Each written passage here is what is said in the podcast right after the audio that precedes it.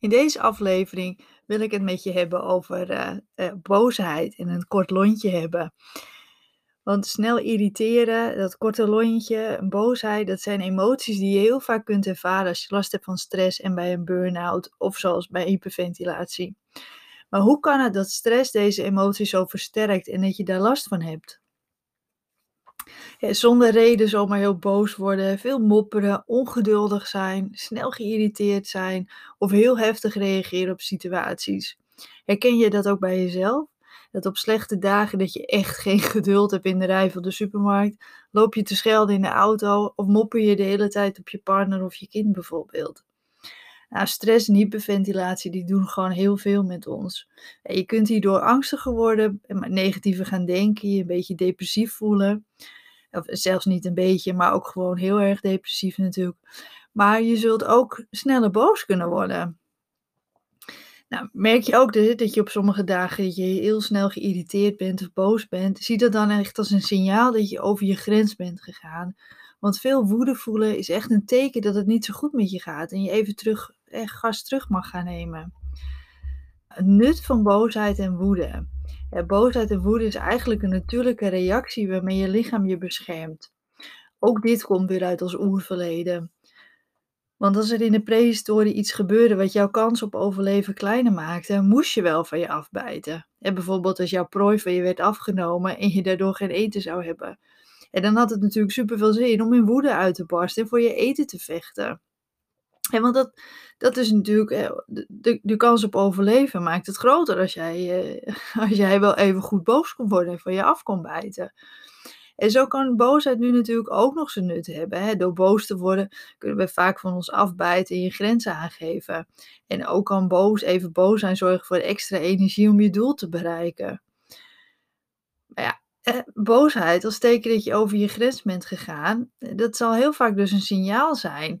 En is die boosheid eigenlijk een teken dat je er maar een beetje aan het overlopen is. boosheid komt vaak nadat anderen steeds over je grenzen zijn gegaan. En dan opeens is de maat vol en ontplof je. En de kans is dan groot dat je er tegen de andere mensen uit. Dus als je op je werk niet gehoord wordt, dan uit je dat vaak in een veilige situatie, bijvoorbeeld thuis tegen je partner, terwijl die er niks aan kan doen.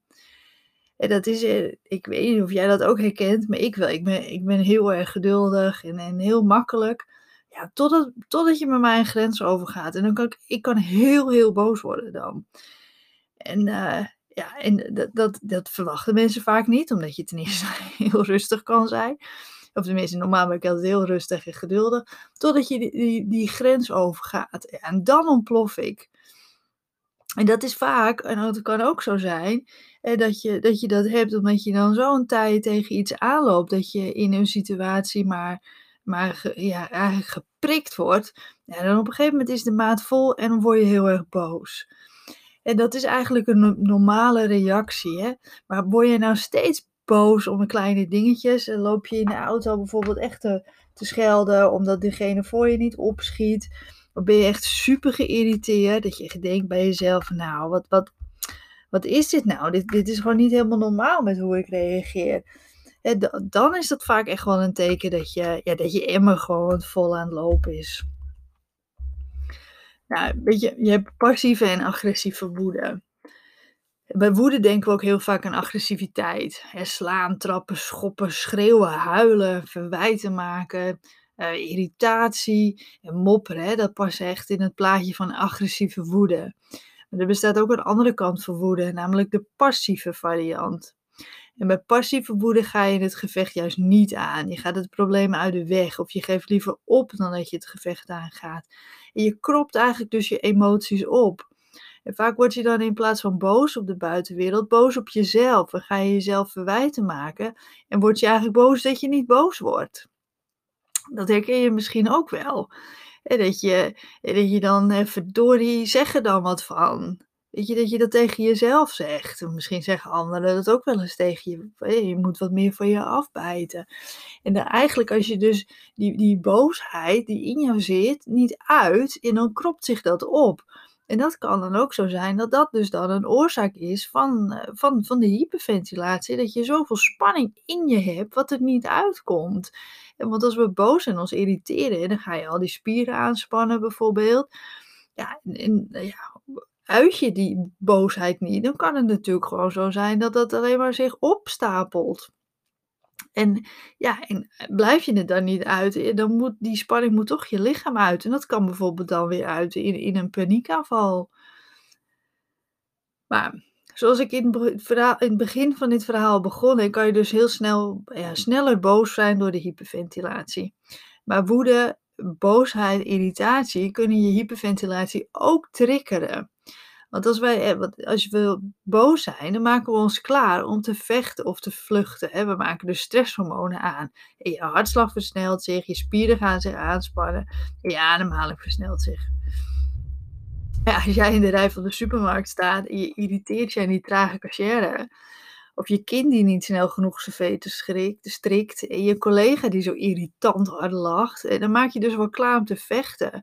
Die energie zal je niet gebruiken. je spieren maken dus onnodige spierspanning, wat je merkt in bijvoorbeeld opgetrokken schouders, gespannen kaken of vuisten van je handen. En irriteer jij je dus regelmatig, dan zal die hoge spierspanning je dus klachten gaan geven. kaakklemmen, hoofdpijn, gespannen nek en schouders, hartkloppingen, hoge bloeddruk zelfs. Dat kan ook komen door die boosheid die je onderdrukt uh, zere benen. Dat zijn bijvoorbeeld uh, wat voorbeelden van klachten die kunnen komen door opgekropte woede. En nou vergeet ik nog de maagklachten. Maagklachten komen ook heel vaak door opgekropte woede en irritatie. Maar ja, die boosheid die kost ook heel veel energie. Doordat je lichaam zich steeds klaarmaakt om het gevecht aan te gaan, kost dit superveel energie. Energie die je eigenlijk vaak al zo weinig hebt. En hierdoor kom je dus ook in zo'n vicieuze cirkel. Want vermoeidheid zal ook zorgen dat je je ieder boos voelt en irriteert. Het is dus super belangrijk om die oorzaak aan te pakken. En wat kan je er nou aan doen? Nou, vraag jezelf echt af, waar komt die boosheid nou vandaan? Wat zit er achter jouw boosheid? Ben je ontevreden over je werk? Boos op jezelf omdat je over je heen laat lopen? En belangrijk is dat je voor jezelf dat duidelijker hebt. En dus noteer eens een tijdje in het dagboek op welke dagen je bijvoorbeeld vaker een korte lontje hebt en je sneller irriteert. En zo kan je uitzoeken wat een rol speelt. En denk ook bijvoorbeeld hè, voor de vrouwen aan, aan je hormonen, die menstruatiecyclus. Maar ook aan slecht eten, slecht slapen. dus vraag jezelf echt eens af van, uh, ja, wat voor patroon zit er in die boosheid? Of ben ik gewoon altijd boos en geïrriteerd? Of zit er toch wel dagen in dat het wat erger is dan de andere dag? Ja, daarnaast is het natuurlijk heel belangrijk dat je wat meer gaat ontspannen. Want stress speelt gewoon een hele belangrijke rol. Dus het verlagen van je stress is heel belangrijk. Probeer dus meer te ontspannen, hè, maar ook veel meer dingen te doen waar jij blij van wordt. Dus zorg voor die positieve hormonen. En die boosheid geeft negatieve energie en stresshormonen in ons lichaam. En door leuke dingen te doen, te lachen en te genieten, maak je positieve stofjes aan die ervoor zorgen dat je rustiger wordt en minder snel boos wordt. Probeer ook afleiding te zoeken. Er zijn er situaties waarin je snel boos wordt of je irriteert. En zoek dan heel bewust afleiding. Sta je in die file, eh, zet dan een gezellig muziekje op of luister een podcast die je afleidt van het langzame verkeer. En sta je in de rij van de supermarkt en irriteer je aan die cashier.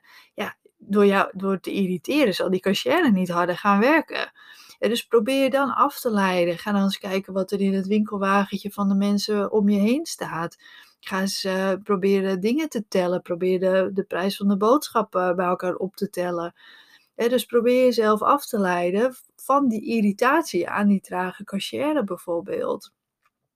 Dat zijn natuurlijk allemaal trucjes die je jezelf aan kan leren, waardoor je die, want die negatieve energie, net als als je je irriteert als jij in de file staat of voor het stoplicht of voor de brug, dan, dan, dan ja, die, die, het verkeer gaat niet sneller rijden als jij je irriteert. Dus je hebt alleen maar jezelf daarmee.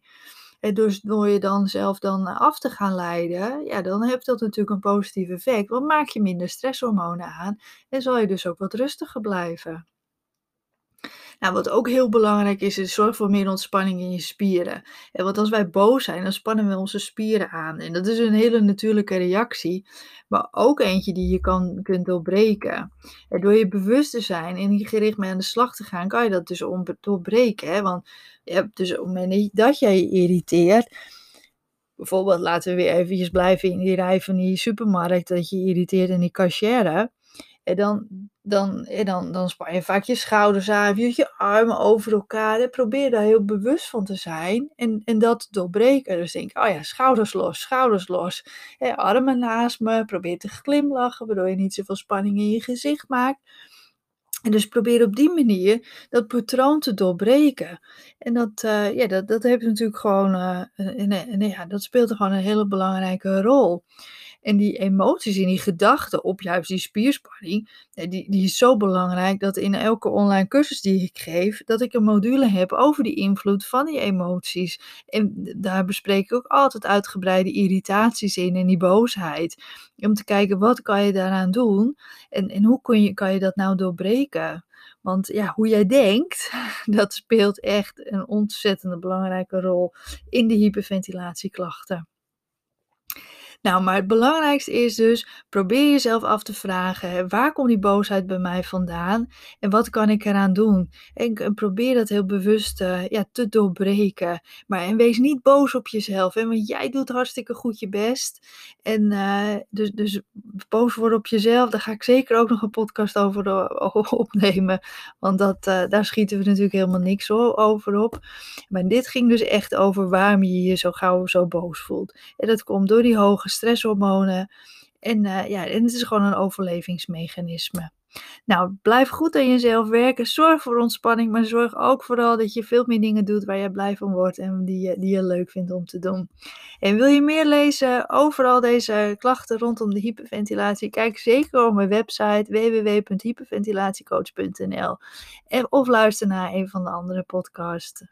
En bedankt voor het luisteren en tot de volgende.